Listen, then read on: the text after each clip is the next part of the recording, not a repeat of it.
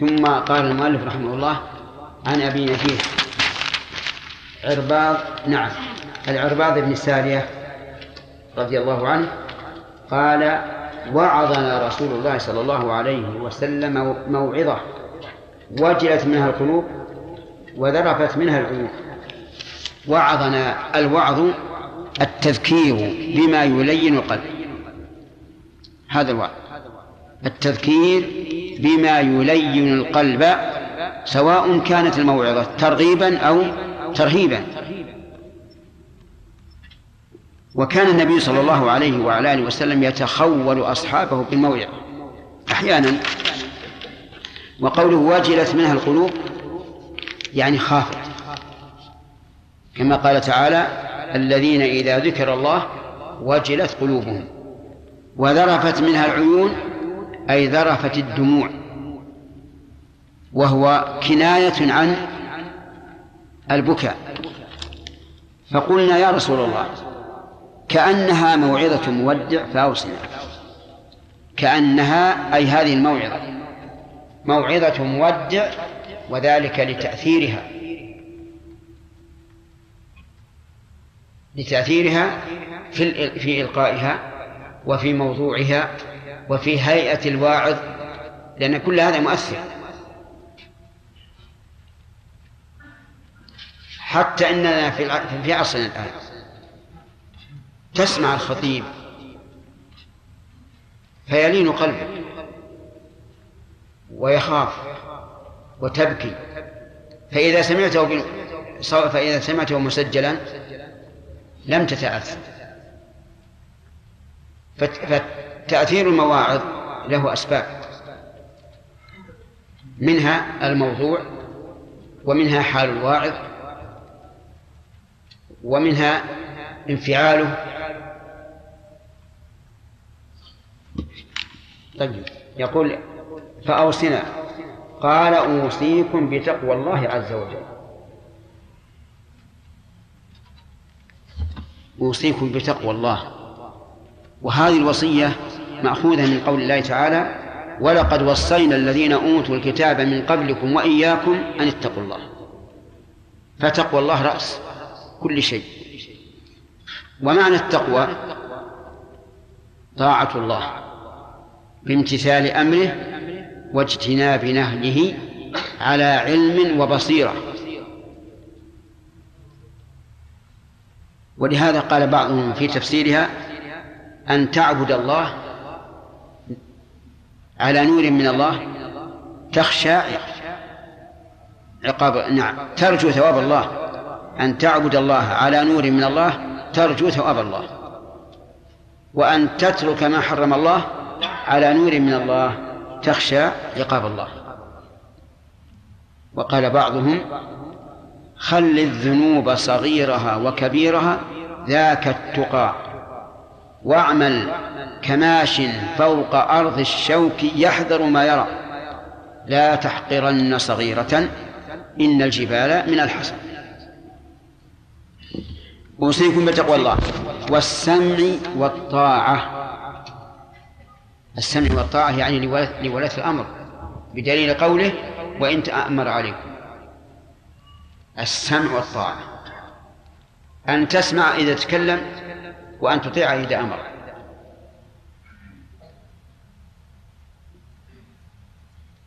وسيأتي إن شاء الله في بيان الفوائد حكم هذه الجملة العظيمة. لكن انظر أن النبي صلى الله عليه وسلم خصها بالذكر بعد ذكر التقوى مع أن السمع والطاعة من تقوى الله لأهميتها ولعظم التمرد عن عليها. والسمع والطاعة يعني لمن؟ لملاة الأمور. وإن تأمر عليكم عبد إن تأمر أي صار أميرا. عبد يعني مملوكا. فإنه من يعش منكم فسيرى اختلافا كثيرا. اللهم صل وسلم عليه. من يعش منكم يعني, يعني تطول به الحياة فسيرى. والسين هنا للتحقيق. سيرى اختلافا كثيرا في إيش؟ في العقيدة في العمل في المنهج. كثير اختلافا كثيرا. وهذا هو الذي حصل. الصحابة الذين عاشوا طويلا وجدوا من الاختلاف والفتن والشرور ما لم يكن لهم في الحسبان. فسير اختلافا كثيرا. ثم أرشدهم صلى الله عليه وعلى آله وسلم إلى ما يلزمونه عند هذا الاختلاف. فعليكم أي يلزموا عليكم بسنتي وسنة الخلفاء الراشدين المهديين. إلزموا سنتي والمراد بالسنة هنا الطريقة التي عليها صلى الله عليه وعلى آله وسلم. فلا تبتدعوا في دين الله ما ليس منه. ولا تخرجوا عن شريعته. لا تخرجوا عن شريعته ولا تبتدعوا في دينه ما ليس منه. وكذلك سنة الخلفاء الراشدين. الخلفاء الذين يخلفون رسول الله صلى الله عليه وعلى آله وسلم في أمته. وعلى رأسهم أبو بكر الصديق رضي الله عنه. فإن أبا بكر الصديق هو الخليفة الخليفة الأول لهذه الأمة. نص النبي صلى الله عليه وسلم على خلافته. نصا يقرب من اليقين.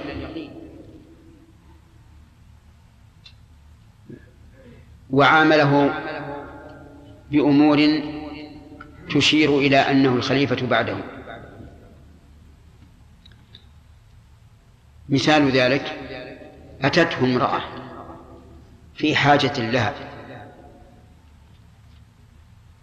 فوعدها وعدا قالت يا رسول الله إن لم أجدك قال ائت يا أبا بكر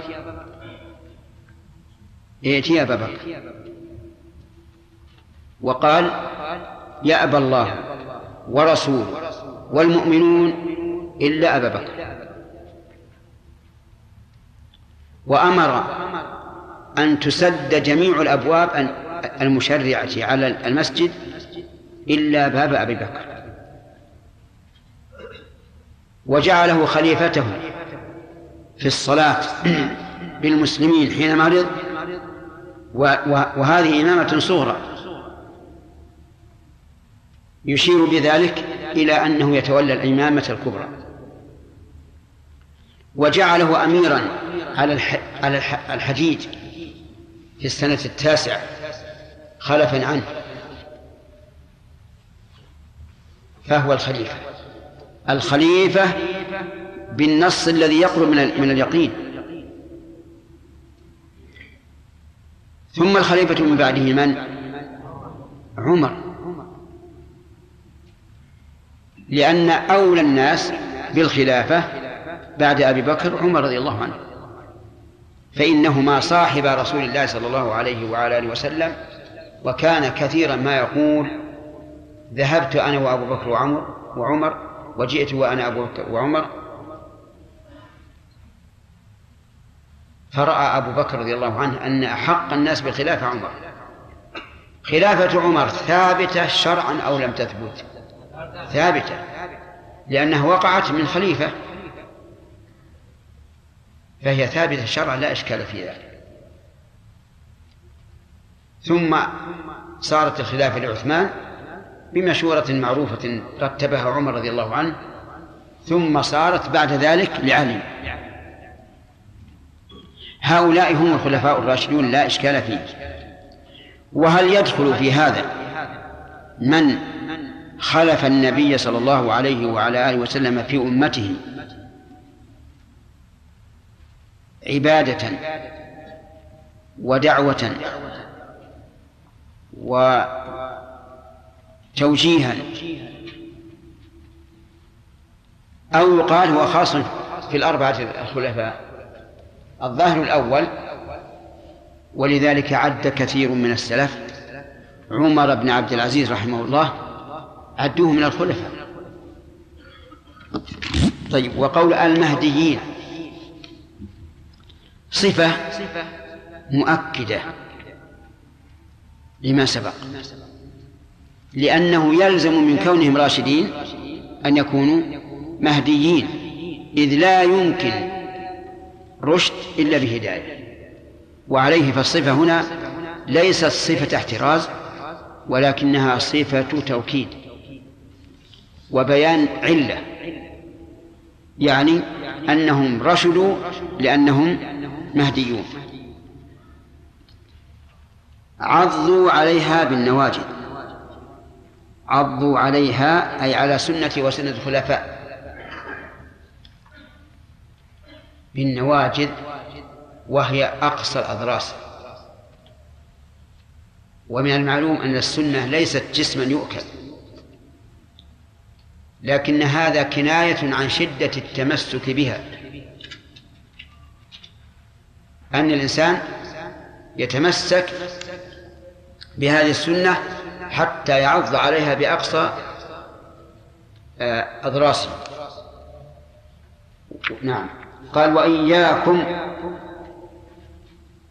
لما حث على التمسك بالسنة حذر من البدعة وإياكم ومحدثات الأمور يعني اجتنبوها. والمراد بالأمور هنا الشؤون. والمراد بالشؤون شؤون الدين. لا المحدثات في أمور الدنيا المحدثات في أمور الدنيا منها ما هو نافع فهو خير ومنها ما هو ضار فهو شر. لكن المحدثات في أمور الدين كلها شر. ولهذا قال صلى الله عليه وسلم فإن كل بدعة فإن كل محدثة بدعة وكل بدعة ضلالة. وكل ضلالة في النار. هذه مدري عندكم؟ ها؟ موجودة؟ لا أحفظها في هذا الحديث. آه، فإن كل محدثة بدعة لأنها ابتدعت وأنشئت من جديد. وكل بدعة ضلالة. كل بدعة يعني في إيش؟ في دين الله فهي ضلالة. قال المؤلف رحمه الله تعالى رواه أبو داود والترمذي وقال حديث حسن صحيح. آه، حديث حسن صحيح. قد يقول قائل كيف يجمع بينهما؟ والصحيح غير الحسن. أجاب العلماء عن هذا بأنه إن كان طريق الحديث واحدا فالمخرج له قد شك هل الطريق يصل إلى درجة الصحة أو هو دونها في مرتبة الحسن. وعلى هذا فيكون على تقدير أو يعني حسن إيش؟ أو صحيح. وهذا للتردد. وأما إذا كان جاء من طريقين. فيحمل على أن أحدهما صحيح والثاني حسن ويكون على تقدير الواو أي صحيح وحسن صحيح من طريق وحسن من طريق. وعليه فنقول أيما أقوى أن يقول هذا حديث صحيح أو هذا حدث حسن صحيح؟ لا. فيه تفصيل. إن كان قال حديث حسن صحيح للتردد فقوله صحيح أقوى. وإن كان قال حديث حسن صحيح لاجتماع الطريقين فحسن صحيح أقوى. نعود إلى فوائد هذا الحديث. منها مشروعية الموعظة. ولكن ينبغي أن تكون في محلها. وألا يكثر فيمل. لأن الناس إذا ملوا ملوا الواعظ والموعظة. وتقاصرت هممهم عن الحضور. ولهذا كان النبي صلى الله عليه وعلى آله وسلم يتخول أصحابه بالموعظة. وكان بعض الصحابة يعظ أصحابه كل يوم خميس. يعني بالأسبوع مرة. ومنها أنه ينبغي للواعظ أن تكون موعظته مؤثرة باختيار الألفاظ الجزلة المثيرة وهذا على حسب الموضوع. إن كان يريد أن يعظ الناس لمشاركة في جهاد أو نحوه فالخطبة تكون إيش؟ حماسية. إن كان لعمل الآخرة فإن. فإن الموعظة تكون مرققة للقلوب ومن فوائد هذا الحديث أن. أن المخاطب بالموعظة إذا كانت بليغة فسوف يتأثر. لقولها الأخ. ارفع يدك. أي نعم لقوله.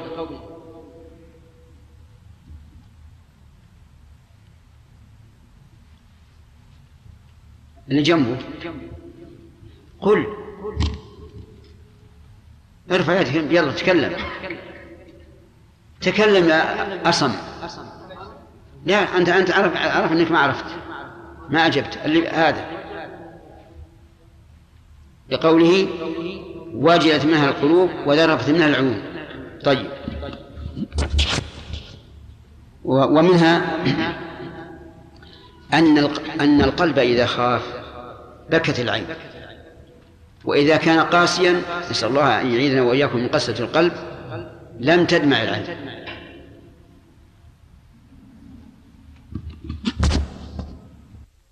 يا سليم. غفر الله لك طلعنا على على حال حالة الناس من أول. بعض في بعض الأحيان إذا سمعوا الموعظة يبكون يا شيخ بكاء شديد يعني حتى بعضهم بعض الأحيان يكون من ثلاثة ولا الصف الواحد. لكن يا شيخ انقطع البكاء ما هذه وش السبب؟ السبب قسوة القلوب. طيب وقسوة القلوب بارك الله فيك وانهماكها في طلب الدنيا. كان الأول الناس متفرغين في الأول وقلوبهم متعلقة بالله عز وجل. فيقرب منهم البكاء. حتى إنهم إذا خرجوا لصلاة الاستسقاء أدركناهم. تسمع شهيق وهو يمشي في السوق قبل أن يدخل في الصلاة الآن كما ترى.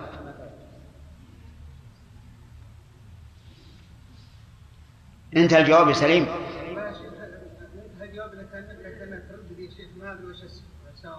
السبب قسوة القلب يا أخي.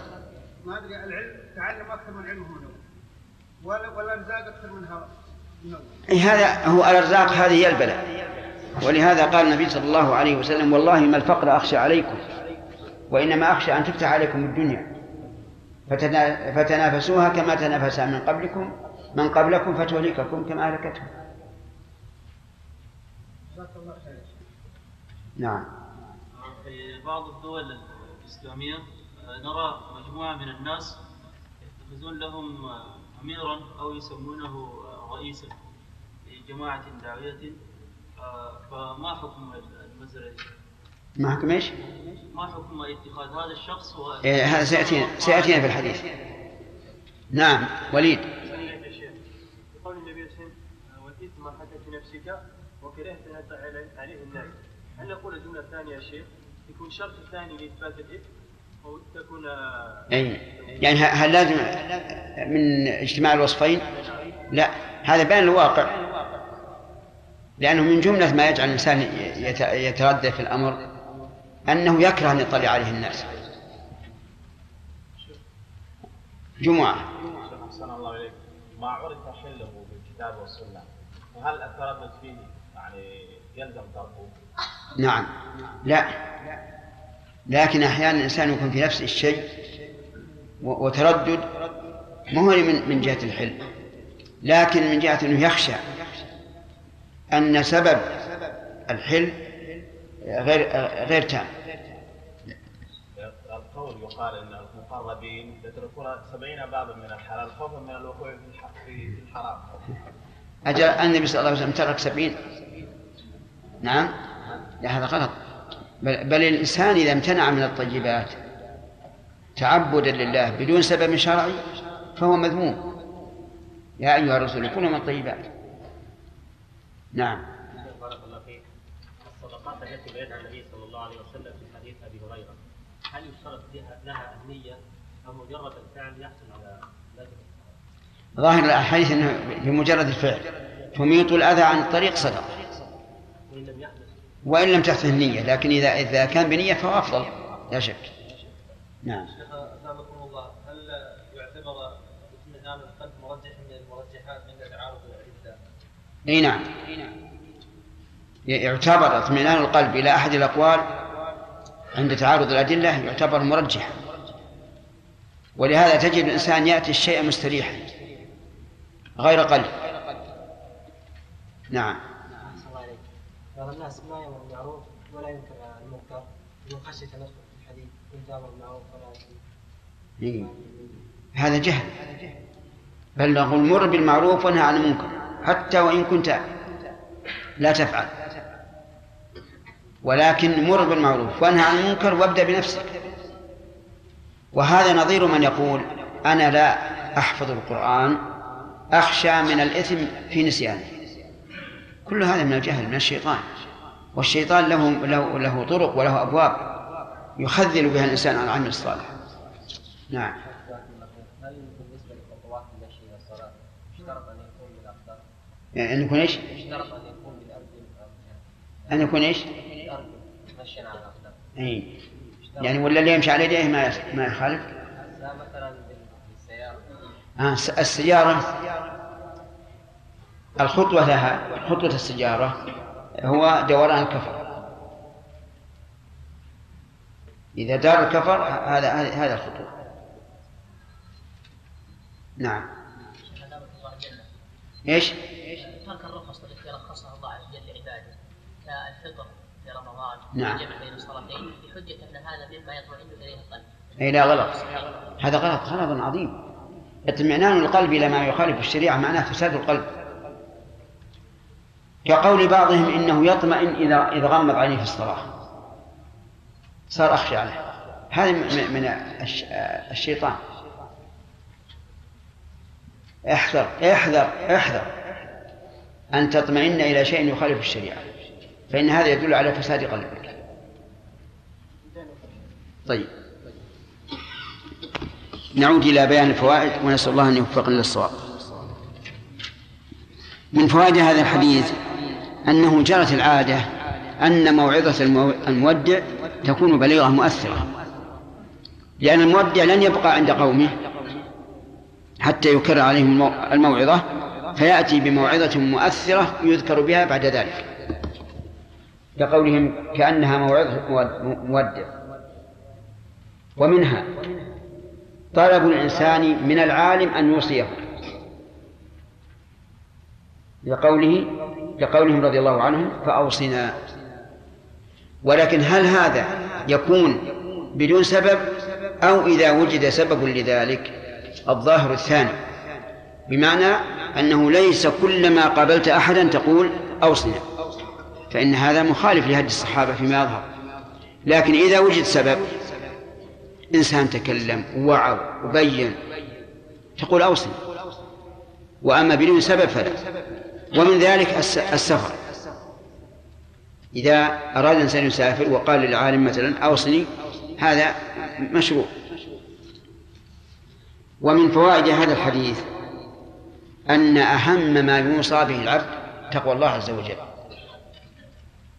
لقول أوصيكم بتقوى الله. ومن فوائد هذا هذا الحديث فضيلة التقوى. حيث كانت أهم وأولى وأول ما يوصى به العبد. ومن فوائد الحديث وصية النبي صلى الله عليه وسلم بالسمع والطاعة لولاة الأمور. وهذا واجب. أعني السمع والطاعة لهم. واجب بالكتاب والسنة. قال الله تعالى وأطيعوا الله. نعم يا أيها الذين آمنوا أطيعوا الله وأطيعوا الرسول وأولي الأمر منكم. فجعل طاعة أولي الأمر بالمرتبة الثالثة ولكنه لم يأتي بالفعل أطيعوا بل قال أطيعوا الله وأطيعوا الرسول وأولي الأمر لأن طاعة ولاة الأمور تابعة لطاعة الله ورسوله. ولهذا لو أمر ولاة الأمور بمعصية الله فلا سمع ولا طاعة. وظاهر الحديث وجوب السمع والطاعة لولي الأمر وإن كان يعصي الله. إذا لم يأمرك بمعصية الله فأطعه ولو كان يعصي الله. لأن النبي صلى الله عليه وعلى آله وسلم قال اسمع وأطع وإن ضرب ظهرك وأخذ مالك. وضرب وضرب الظهر وأخذ المال بلا بلا سبب شرعي معصية لا شك فلا يقول الإنسان لولي الأمر أنا لا أطيعك حتى تطيع ربك. هذا محرم. بل يجب أن يطيعه وإن لم يطع ربه. أما لو أمر بالمعصية فلا سمع ولا طاعة لأن رب ولي الأمر ورب الرعية واحد عز وجل. كلهم يجب أن يخضعوا له. فإذا أمرنا بطاعة بمعصية الله قلنا لا سمع ولا طاعة. ومنها ثبوت إمرة العبد لقوله وإن تأمر عليكم عبد طيب. ولكن هل يلزم طاعة الأمير في كل شيء أو فيما يتعلق بالحكم؟ الجواب الثاني أن فيما يتعلق بالحكم ورعاية الناس. وإلا لو قال لك الأمير مثلا لا تأكل في اليوم إلا وجبتين أو ما أشبه ذلك فلم يجب عليك أن توافق إلا أنه يحرم عليك أن تنابذ بمعنى أن تعصيه جهارا. لأن هذا يفسد الناس عليه.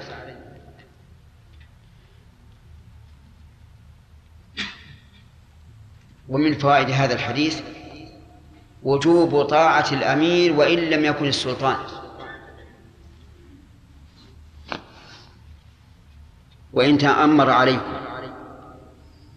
ومعلوم أن الأمة الإسلامية من قديم الزمان فيه خليفة وهو السلطان وفيه أمراء. للبلدان. وإذا وجبت طاعة الأمير فطاعة السلطان من باب أولى. وهنا سؤال يكثر. إذا أمر الناس عليهم واحدا في السفر فهل تلزموا طاعته فهل تلزمهم طاعته؟ فالجواب نعم تلزمهم طاعته. وإذا لم نقل بذلك لم يكن هناك فائدة من من تأميره. لكن طاعته فيما يتعلق بالسفر في أمور السفر. لا في كل شيء. إلا أن الشيء الذي لا, لا يتعلق بأمور السفر لا تجوز منابذته فيه. مثاله لو قال أمير السفر اليوم كل واحد منكم يلبس ثوبين لأن ستكون ب... سيكون الجو باردا. فهنا لا تلزم طاعته لكن لا تجوز منابذته بمعنى لا يجوز لأحد أن يقول لن ألبس ثوبين. لأن مجرد منابذة ولاة الأمور تعتبر إيش؟ معصية. نعم. ومن فوائد هذا الحديث ظهور آية من آيات النبي صلى الله عليه وعلى آله وسلم. في قوله فإنه من يعش منكم فسيرى اختلافا كثيرا. فقد وقع الأمر كما أخبر به النبي صلى الله عليه وعلى آله وسلم. فإن قيل وهل يمكن أن نطبق هذه الجملة في كل زمان؟ بمعنى أن نقول من يعش منكم فسيرى اختلافا كثيرا. لا نستطيع أن نطبقها في كل زمان. لكن الواقع أن من طال عمره رأى اختلافا كثيرا. سيرى اختلافا كثيرا. كان الناس فيما سبق أمة واحدة حزبا واحدا. ليس هناك تشتت ولا تفرق. ثم اختلفوا. في بلادنا هذه كان الناس منقادين لأمرائهم منقادين لعلمائهم حتى إن الرجل يأتي مع خصمه إلى القاضي وهو يرى أن الحق له فيحكم القاضي عليه ثم يذهب مطمئن القلب مستريحا. وإذا قيل له يا فلان كيف غلبك خصمك؟ قال الشرع يخلف الشرع يخلف الآن الأمر بالعكس. تجد الخصم إذا حكم عليه وهو والحكم حق. ذهب يماطل. وارفعوها للتمييز. وارفعوها للمجلس القضاء الأعلى. نعم. وإن كان يرى أن الحق عليه وليس له لكن يريد أن يضر بصاحبه. والاختلاف الآن وقع. أحصي مثلا أفكار الناس. لا تكاد تحصيها. منهم من فكره إلحاد ومنهم من فكره دون ذلك ومنهم من فكره سيء في الأخلاق ومنهم دون ذلك.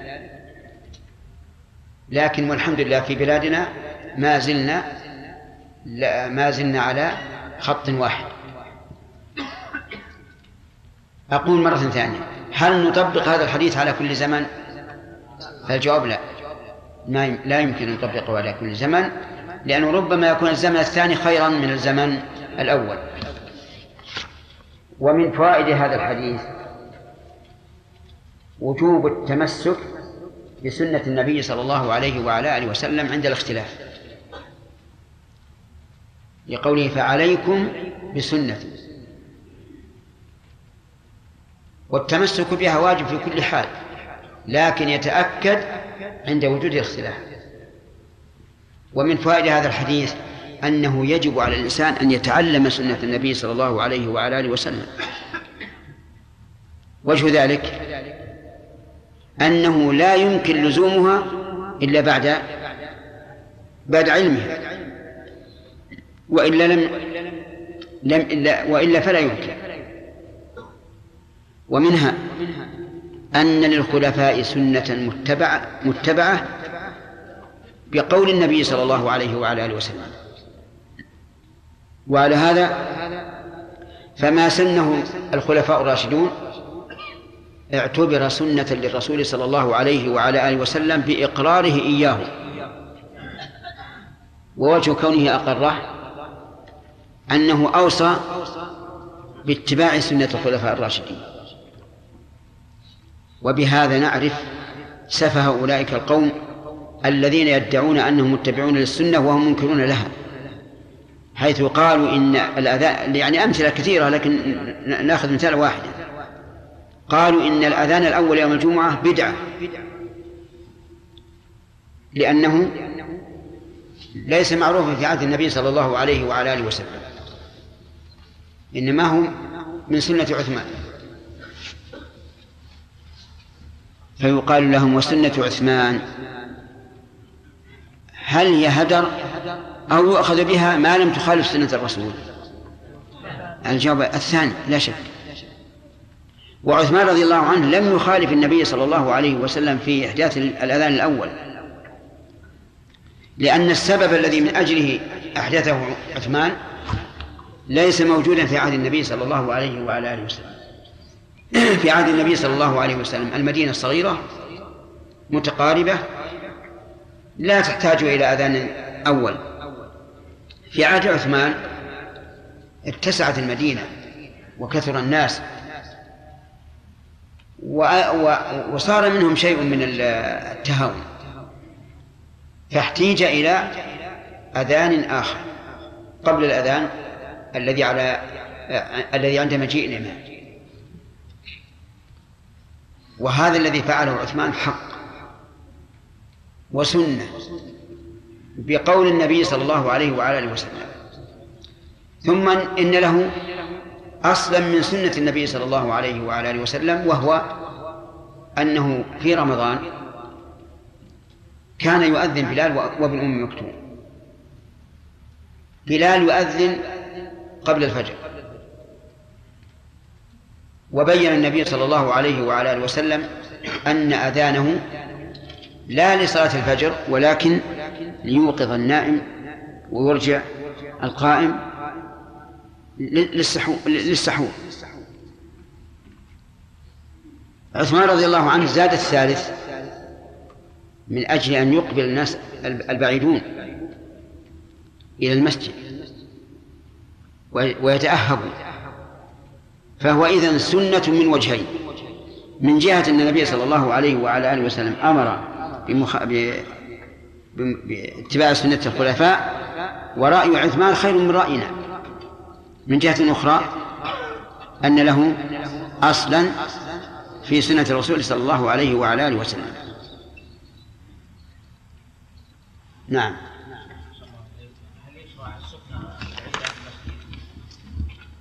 لا. لا. لا لا يشرع. إلى أنهم هموا أن أن أن يأتوا.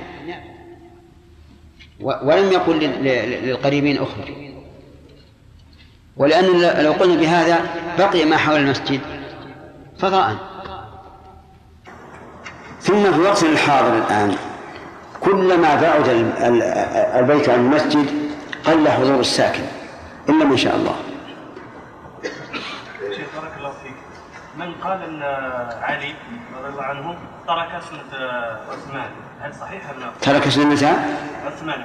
في إيش؟ في أهل الثالث ما أدري. ما أدري ولكن إن تركه فهو اجتهاد وعرض باجتهاد. ما يضر نعم. شيخ أحسن الله إليكم. إذا أمر السلطان على قوم يذكر نسبة المسلمين فيهم أميرا غير من غير المسلمين آه، واضح فيه الكفر البواح فهل يحق للمسلمين أن يخرجوا عليه؟ لا يجب يجب على المسلمين أن أن يناصحوا السلطان ولكن هل إذا سمحت لهم الفرصة يجوز أن يقتلوه؟ لأنه لو قتل ما صارت الفوضى التي تكون بقتل السلطان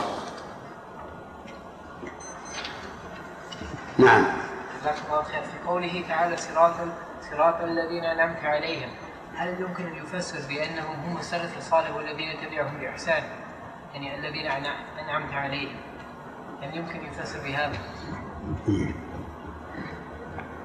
قال الله عز وجل في سورة النساء ومن يطع الله والرسول فأولئك مع الذين أنعم الله عليهم من النبيين والصديقين والشهداء والصالحين. هؤلاء هم الذين أنعم الله عليهم. أربعة أصناف. فقول الصراط الذين أنعمت عليهم يعني صراط هؤلاء البررة النبيون والصديقون والشهداء والصالحين نعم. الله عنك يا شيخ. ذكرت أمس أن من يذهب إلى بلاد الكفر وكذا ويرجع مثلا لذكر أوصاف الزنا وكذا انه يقرب القول بالكفر. فهل لا بل ما نقول هذا. هل قلنا هذا؟ قلنا الذي يفتخر. اي نعم يا شيخ. سواء راح لبلاد ال- الكفر أو أو المرح. يذهب اذا ما استحل يا شيخ. لم يستحل ولكن افتخر وكذا كما يذكر لذة الخمر وكذا. لا لا. هو مو يفتخر بأنه مثلا ارتاح ارتاح نفسه لا يفخر بأنه عصى الله. يكفي إن هذا يكفي. قالوا لم يستحل؟ نعم يكفي. لأن المستحيل سواء شرب ولا ما شرب وسواء يفتخر أو لم يفتخر. يعني لو قال الخمر حلال فهو مرتد. نعم. أرفع يدك. نعم. أحسن الله إليك شيخ. أمير الجيش هل يطاع طاعة مطلقة يعني بخلاف أمير السفر أو الأمير العام؟ أن بعض الناس يقول بالنسبة لحديث النبي عليه الصلاة والسلام أمرهم الصلاة العصر في بني قريظة. رجح أن لابد من الطاعة يعني لأن أمر الجيش أمر عسكري. لا أبدا آه، الأمير أمير الجيش تجب طاعته فيما يتعلق ب- بأمور الجيش. وأما قصة آه، بني قريظة فليس هناك أمير. أمرهم أن يخرجوا وأن لا يصلوا العصر إلا في بني قريظة ثم حان وقت الصلاة ودار الأمر بين أن يؤخروا الصلاة إلى الغروب ويصلوا في بني قريظة.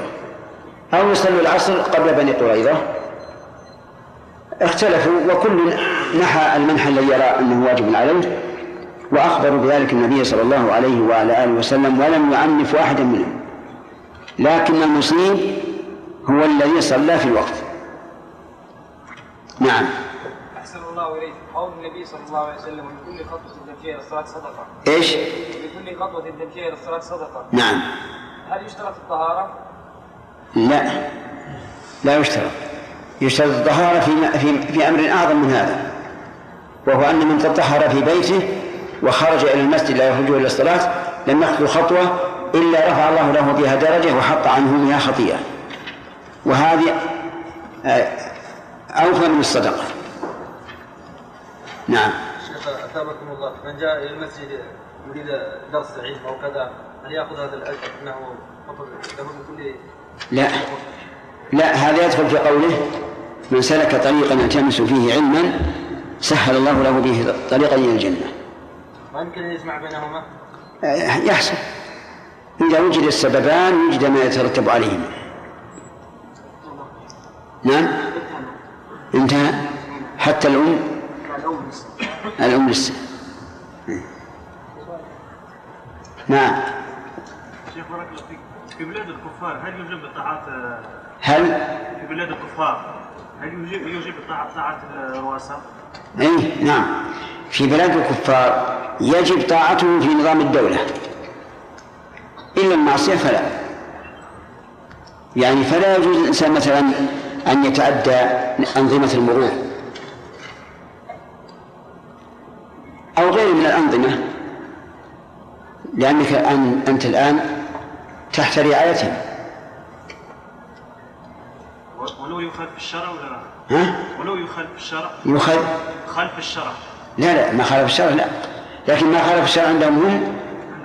ما ما علينا من شرع يكون هم هم عصاة لكن بالنسبة لنا ما دام لا لم يخالف الشرع وجب علينا أن أن نطيعه. أما لو خالف الشرع بأن قال بأن قالوا لنا احملوا جرار الخمر إلى المكان الفلاني. فلا يجوز فلا نطيعه نعم. بسم الله الرحمن الرحيم. الحمد لله رب العالمين. نكمل شرح حديث آه الأرباط أي نعم. انتهينا إلى قوله فإنه من يعش منكم فسيرى اختلافا كثيرا. نعم. الخلفاء في نعم. آه، يستفاد من قوله صلى الله عليه وعلى آله وسلم إنه من يعش منكم فسار اختلافا كثيرا فعليكم بسنتي. أنه إذا كثرت الأحزاب في الأمة لا تنتمي إلى حزب. هنا ظهرت طوائف من قديم الزمان. خوارج معتزلة جهمية شيعة بل رافضة. و ثم ظهرت أخيرا إخوانيون وسلفيون وتبليغيون وما أشبه ذلك. كل هذه الفرق اجعلها على اليسار وعليك بالأمام وهو ما أرشد إليه النبي صلى الله عليه وعلى آله وسلم عليكم بسنتي. وسنة الخلفاء الراشدين. ولا شك أن الواجب على جميع المسلمين أن يكون مذهبهم مذهب السلف لا الانتماء إلى حزب معين يسمى السلفيين. الواجب أن يكون أن تكون الأمة الإسلامية مذهبها مذهب السلف الصالح. لا التحزب إلى من يسمى السلفيون. انتبهوا للفرق. هناك طريق سلف وهناك حزب يسمى السلفيون. المطلوب إيش؟ اتباع السلف. لماذا؟ لأن الإخوة السلفيين هم أقرب الفرق, للصواب لا شك. لكن مشكلتهم كغيرهم أن بعض هذه الفرق يضلل بعضا ويبدعه ويفسقه. ونحن لا ننكر هذا إذا كانوا مستحقين. لكننا ننكر معالجة هذه هذه البدع على بهذه الطريقة. الواجب أن يجتمع رؤساء هذه الفرق ويقولون بيننا كتاب الله عز وجل وسنة رسوله فلنتحاكم إليهما. لا إلى الأهواء والآراء ولا إلى فلان أو فلان.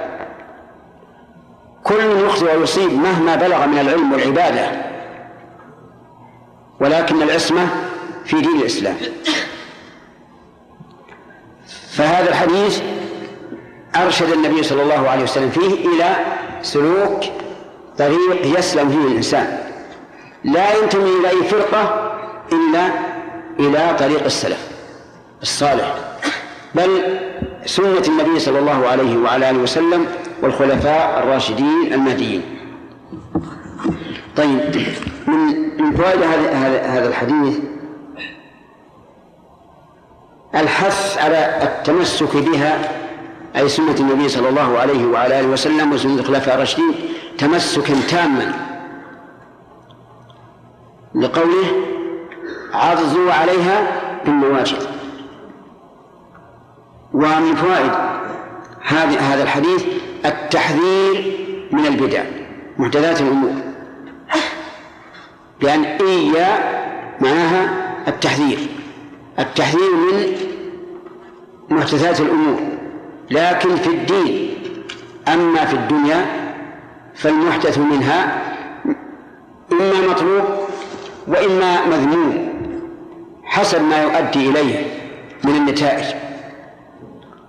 فمثلا أساليب الحرب أساليب الاتصالات أساليب المواصلات الآن.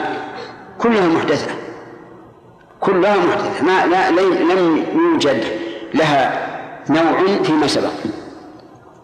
ولكن منها صالح ومنها فاسد حسب ما تؤدي إليه. فالمحذر منه هو المحدث في إيش؟ في الدين عقيدة أو قولا أو عملا. كل محذر محذر منه. قال فإن كل بدعة ضلالة فإن كل محدثة بدعة. كل محدثة مهما صغرت أو كبرت فإنها بدعة. هكذا قال النبي صلى الله عليه وعلى آله وسلم والمراد المحدثة في الدين. بدعة. فإن قال قائل كيف نجمع بين هذا هذه الكلية العامة الواضحة البينة أن كل محدثة بدعة وبين قوله صلى الله عليه وعلى آله وسلم من سن في الإسلام سنة حسنة فله أجرها وأجر من عمل بها إلى يوم القيامة. فالجواب من وجهين. الوجه الأول أن معنى قوله صلى الله عليه وسلم من سن في الإسلام سنة حسنة أي من ابتدأ العمل بالسنة. من ابتدأ العمل بالسنة. ويدل لهذا أن النبي صلى الله صلى الله عليه وعلى آله وسلم ذكره بعد أن حث على الصدقة للقوم الذين وفدوا إلى المدينة حث على الصدقة ورقب فيها.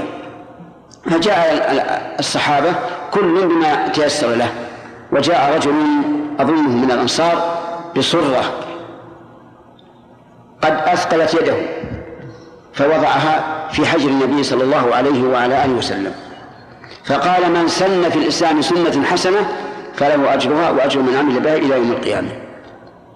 أي ابتدأ العمل بسنة ثابتة. ما هو ليس أنه يأتي هو بسنة جديدة بل يبتدئ العمل لأنه إذا ابتدأ العمل سن الطريق للناس وتأسوا به. وأخذوا بما فعل. هذا واحد. الثاني أن يقال من سن في الإسلام سنة حسنة أي سن الوصول إلى شيء مشروع من قبل. سن الوصول إلى شيء مشروع من قبل. كجمع الصحابة المصحف على المصاحف على مصحف واحد.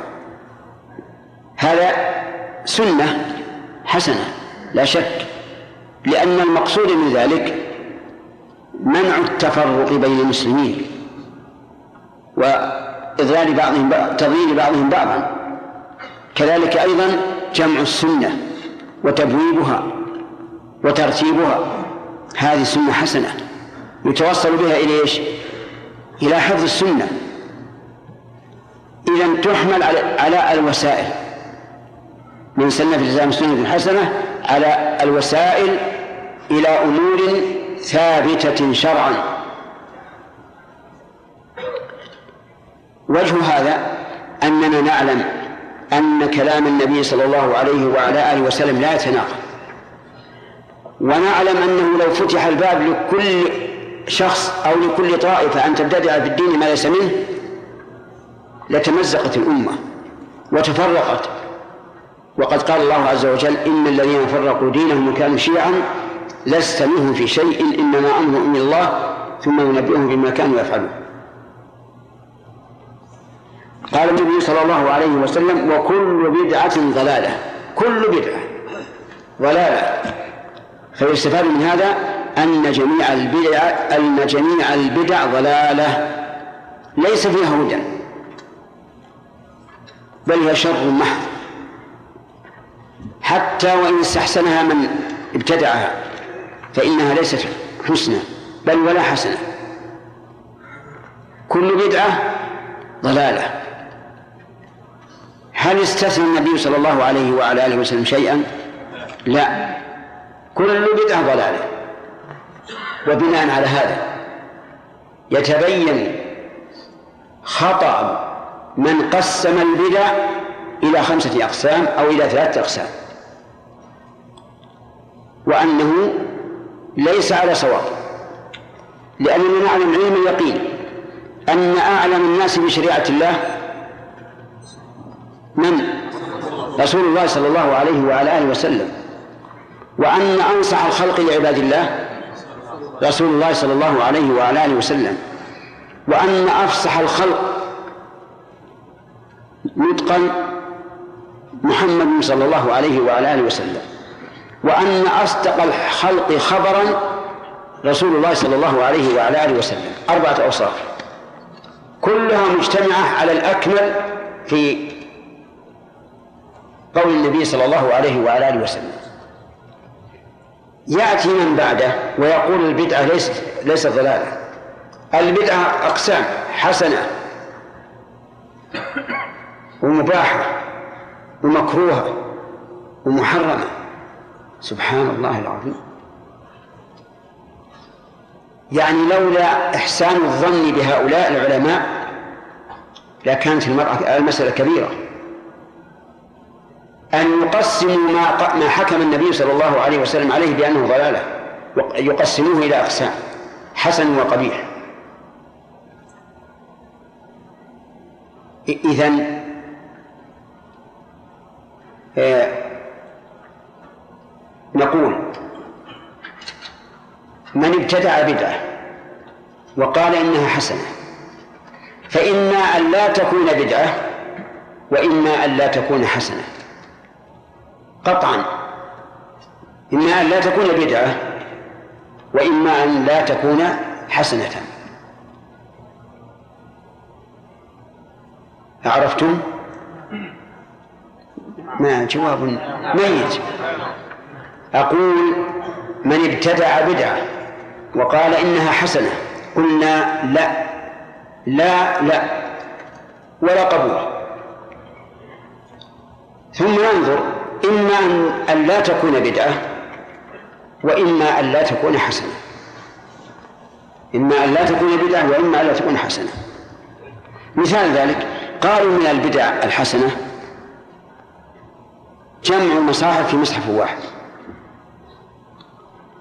ومن البدع الحسنة كتابة الحديث ومن البدع الحسنة إنشاء الدور لطلاب العلم وهكذا. فنقول هذه ليست بدعة. هي حسنة لا شك لكن ليست بدعة. هذه وسيلة إلى أمر إيش؟ مقصود شرعا.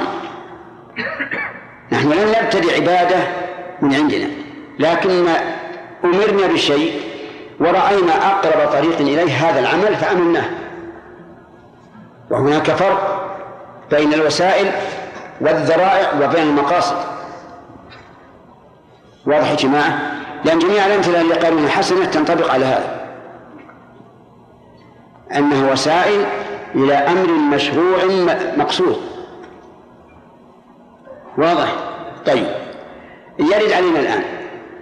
قال جماعة إن الميكروفون اللي, اللي يؤدي الصوت إلى البعيد بدعة. ولا يجوز العمل به. ماذا نقول؟ نقول هو بدعة حسنة. ليش؟ لأنه يوصل إلى المقصود. وقد اختار النبي صلى الله عليه وسلم للأذان من هو أندى صوتا. للأذان من هو أندى صوتا لأنه يبلغ أكثر. وقال للعباس في غزوة حنين نادي يا عباس لأنه كان سيدا رضي الله عنه. إذا رفع الصوت مطلوب ولا غير مطلوب؟ مطلوب. هذه وسيلة من وسائله. ولهذا لما ركب الميكروفون في هذا في هذا المسجد أول ما ركب على زمن شيخنا عبد الرحمن رحمه الله خطب في ذلك خطبة. وأثنى على هذا أثنى على الذي أتى به وهو أحد المحسنين رحمه الله. وقال هذا من النعمة. وصدق هو من من النعمة. لأنه وسيلة إلى أمر مقصود. كذلك أيضا الاتصالات. الاتصالات الآن عندك جهاز تحرك فيما تحرك ثم تتصل بأقصى العالم. بأقصى العالم. هل نقول استعمال هذا الجهاز الهاتف بدعة لا يجوز؟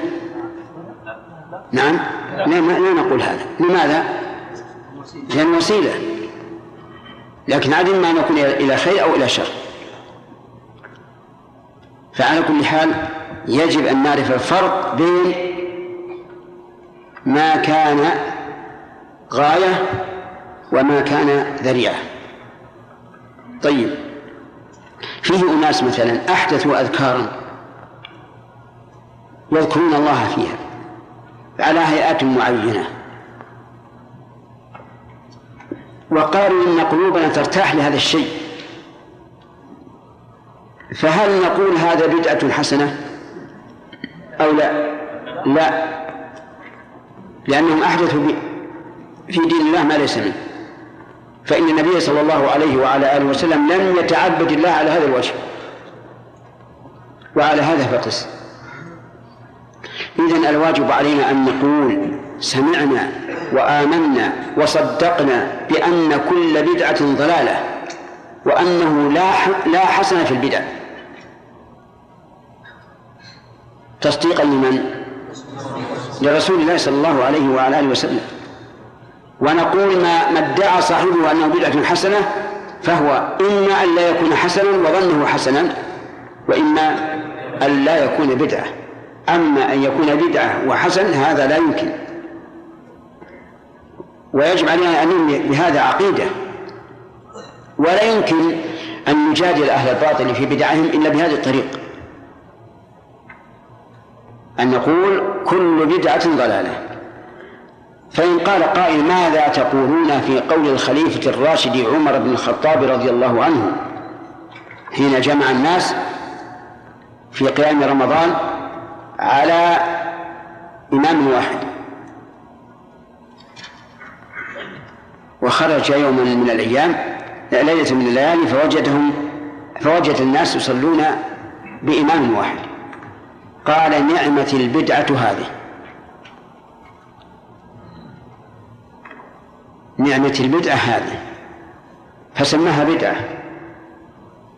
أجاب بعض العلماء بأنها بأن المراد بالبدعة هنا البدعة اللغوية لا الشرعية. ولكن هذا الجواب لا يستقيم. كيف البدعة اللغوية وهي صلاة؟ والصواب أنها بدعة نسبية. بالنسبة لهجران هذا هذا القيام بإمام واحد. وذلك لأن النبي صلى الله عليه وسلم أول من سن القيام بإمام واحد. يعني التراويح. فقد صلى بأصحابه ثلاث ليال في رمضان. ثم تخلف خشية أن تفرض. وتركت وصار الناس يأتون المسجد يصلي الرجل وحده والرجلان جميعا والثلاثة أوزاع. فرأى عمر رضي الله عنه بثاقب سياسته أن يردهم إلى السنة الأولى وهي الاجتماع على إمام واحد فجمعهم على تميم الدار وأبي بن كعب وأمرهما أن يصليا بالناس إحدى عشرة ركعة. كما كان النبي صلى الله عليه وسلم لا يزيد في رمضان ولا غيره على إحدى عشرة ركعة. فيكون قول نعمة البدعة يعني البدعة النسبية أي بالنسبة إلى أنها هجرت في عهد في آخر عهد النبي صلى الله عليه وعلى آله وسلم وفي عهد أبي بكر وفي أول خلافة عمر. وإلا فنحن نؤمن بأن كل بدعة ضلالة.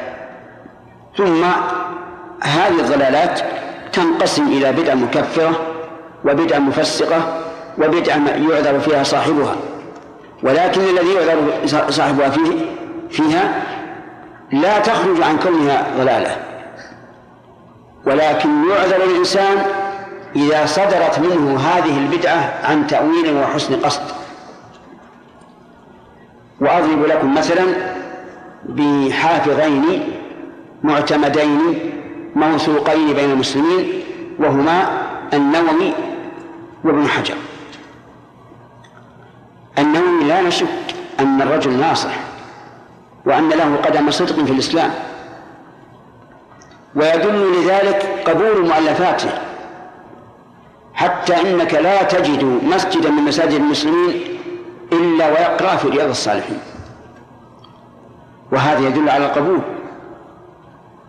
ولا شك أنه ناصح. ولكنه رضي الله رحمه الله ولكنه رحمه الله أخطأ في تأويل آيات الصفات. حيث سلك فيها مسك المؤولة المؤولة. فهل نقول إن الرجل مبتدع نقول قوله بدعة لكنه غير مبتدع لأنه في الحقيقة متأول. والمتأول إذا أخطأ مع اجتهاده فله أجر. فكيف نصف بأنه مبتدع وننفر الناس منه؟ والقول غير القائل. قد يقول الإنسان كلمة الكفر ولا يكفر.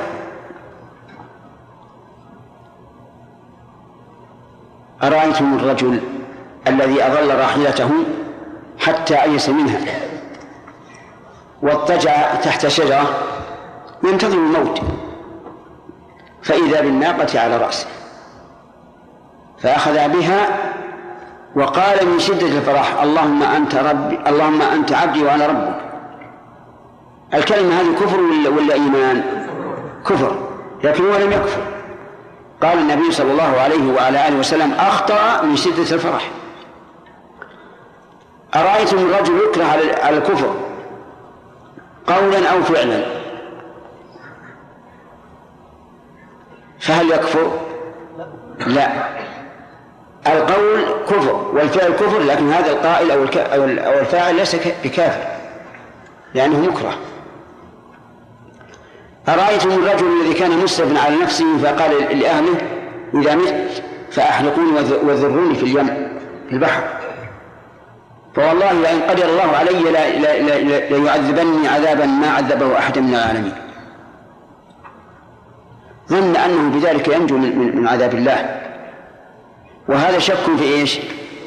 في قدرة الله. والشك في قدرة الله كفر. لكن هذا الرجل لم يكفر. جمعه الله عز وجل وسأله لماذا صنعت هذا؟ قال خوفا منك أو من أو من عذابك أو كلمة نحوها فغفر الله له. انتبهوا لهذه المسألة. أما الثاني الحافظ الثاني فهو ابن حجر رحمه الله. وابن حجر حسب ما بلغ علمي متذبذب في الواقع. أحيانا يسلك مسلك السلف وأحيانا ينقل نقولات وأحيانا يمشي على طريقة التأويل التي هي في نظره تحريف. مثل هذين الرجلين هل يمكن أن نقدح فيهما؟ أبدا لكننا لا نقبل خطأهما. خطأهما شيء واجتهادهما شيء آخر. أقول هذا لأنه نبتت نابتة قبل سنتين أو ثلاث تهاجم هذين الرجلين هجوما عجيبا. وتقول يجب إحراق فتح الباري وإحراق شرح صحيح مسلم. أعوذ بالله. كيف يشعر الإنسان على هذا الكلام؟